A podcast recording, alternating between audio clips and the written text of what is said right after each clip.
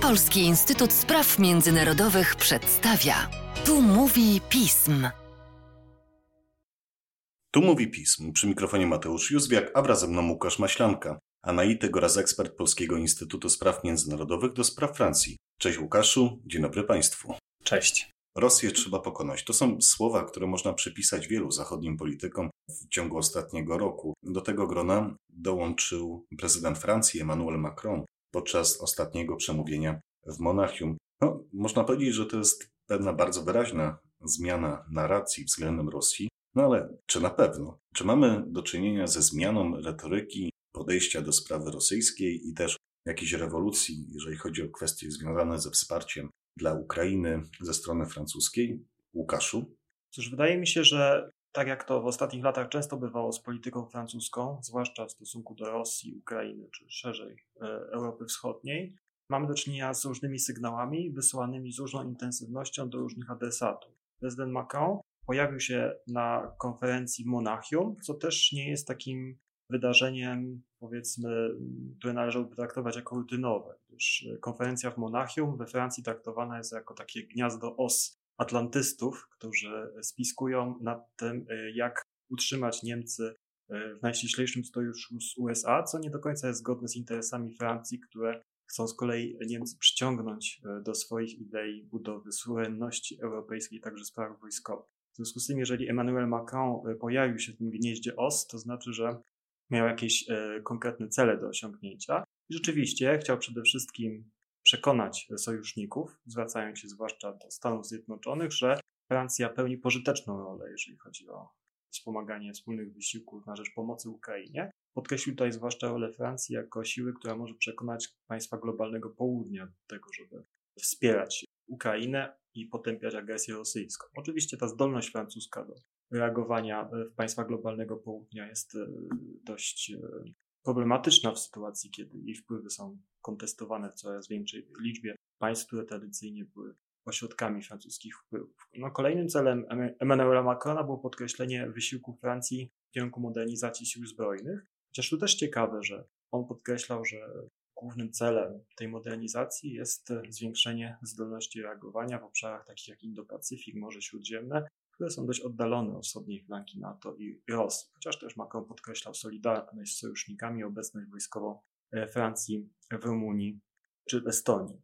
Jeżeli chodzi o sam stosunek Francji do e, wojny na Ukrainie, to widać, że Macron przekonał się do tego, że obecnie Władimir Putin nie jest gotowy do negocjacji. Wydaje mi się, że jego stosunek do tego, co się obecnie dzieje, należy rozpatrywać w dwóch kategoriach. W kategoriach krótkookresowych, kiedy trzeba rzeczywiście pomóc Ukrainie dostarczyć jej broń, aby za pomocą działań na polu walki wytworzyła sobie pole do negocjacji i stosunek bardziej długofalowy, który zakłada, że jednak, tak jak Macron to podkreślił, wojna rosyjsko-ukraińska nie ostrzygnie się na polu walki, tylko w trakcie negocjacji. To znaczy, że jeżeli Putin i Rosja zostanie odpowiednio osłabiona, to wtedy te negocjacje zgodnie z koncepcją francuską staną się możliwe. No cóż, ale to rodzi pytanie o to, jak duże wsparcie może otrzymać Ukraina ze strony francuskiej, bo cóż, ulega zwiększeniu, prawda? Tak, Francja też prowadzi dość niekonsekwentną politykę, jeżeli chodzi o przedstawianie swojej pomocy dla Ukrainy. Z jednej strony nie dostarcza danych, które pozwoliłyby na konkretne podliczenie tego, co Francja zrobiła jakiej pomocy udzieliła. Z drugiej strony bardzo aktywnie Francja reaguje na wszelkiego rodzaju twierdzenia, że pomoc francuska jest znacząco niższa niż niemiecka, chociaż Niemcy są często krytykowane za swój e, brak aktywności w pomocy, czy za niewystarczającą aktywność pomocy e, dla Ukrainy. Najcenniejsze zestawy uzbrojenia, które Francja dostarczyła Ukrainie, to są przede wszystkim armatochaubice Cezar, które rzeczywiście okazały się skuteczne na polu bitwy. Francja przekazała ich 18, ma przekazać jeszcze 12, co zważywszy na to, że sama posiada ich niecałe 80 jest dość poważnym wysiłkiem. Francja też wyprzedziła dość sprytnie debatę o czołgach dla Ukrainy, ogłaszając jeszcze w styczniu, że dostarczy y, jej ciężkie e, e, pojazdy opancerzone AMX-10, nazywając je sprytnie lekkimi czołgami, chociaż są to pojazdy kołowe, chociaż wyposażone w armatę 105 e, mm. No w ten sposób Francja uciekła od debaty o przekazaniu jej własnych czołgów Leclerc, których posiada niewiele i w najbliższej przyszłości nie planuje zakupić nowych, w związku z tym chciała e, uniknąć e, tej dyskusji. Jednocześnie też Macron wysyła sygnały, że ewentualnie byłby gotowy Ukrainie przekazać samoloty bojowe, choć oczywiście mm, stawia warunki, które Ukrainie trudno zaakceptować, jak na przykład e, nieatakowanie celów na terytorium Rosji w sytuacji, kiedy Ukraina jest ostrzeliwana z terytoriów, e, z terytoriów Rosji, czy bardzo mgliste mm, zastrzeżenie, że nie powinno to służyć celom eskalacyjnym.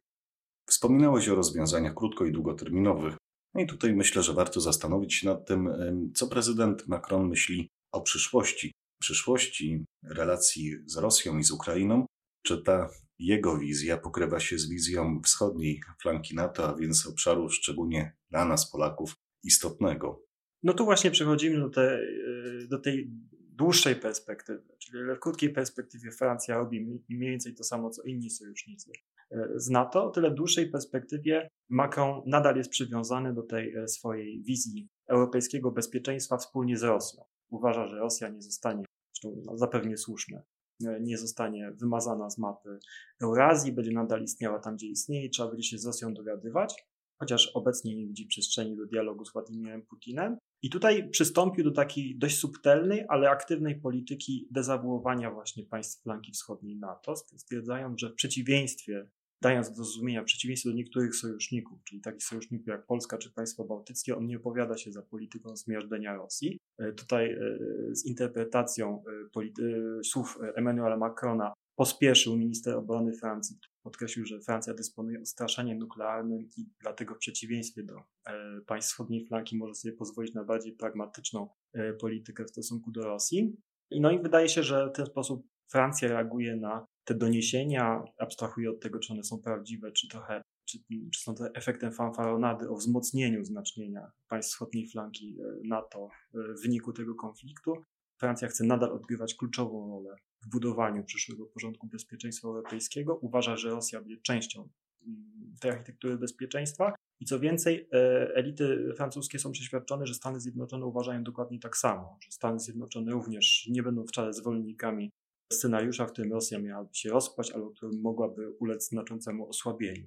Wydaje się, że w następnych tygodniach i miesiącach możemy spodziewać się większej liczby wypowiedzi e, francuskich dostojników czy francuskich analityków, które będą podkreślały e, konieczność przyszłej współpracy z Rosją i konieczność dezawuowania tych głosów, które twierdzą, że Rosja powinna ulec e, znaczącemu osłabieniu, abstrahując od tego, od tego, od tego, że to, czy Rosja będzie istniała jako jednolite państwo, czy nie, zależy przede wszystkim od procesów wewnątrz Rosji, a nie od tego, co chce Francja, Polska, czy nawet Stany Zjednoczone.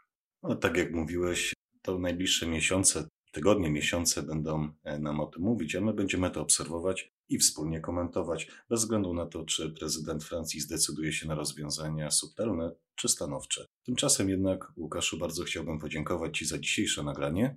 Dziękuję bardzo a Państwa zachęcić do śledzenia naszej strony internetowej i czytania najnowszych komentarzy, biuletynów. Zachęcam również do śledzenia naszego kanału na YouTubie, a w nim innymi możecie Państwo zobaczyć zapowiedź jednego z ostatnich Strategic File Łukasza Maślanki, Łukasza Jasińskiego. Bardzo serdecznie zachęcam. Z mojej strony to wszystko. Dziękuję Państwu za uwagę i do usłyszenia.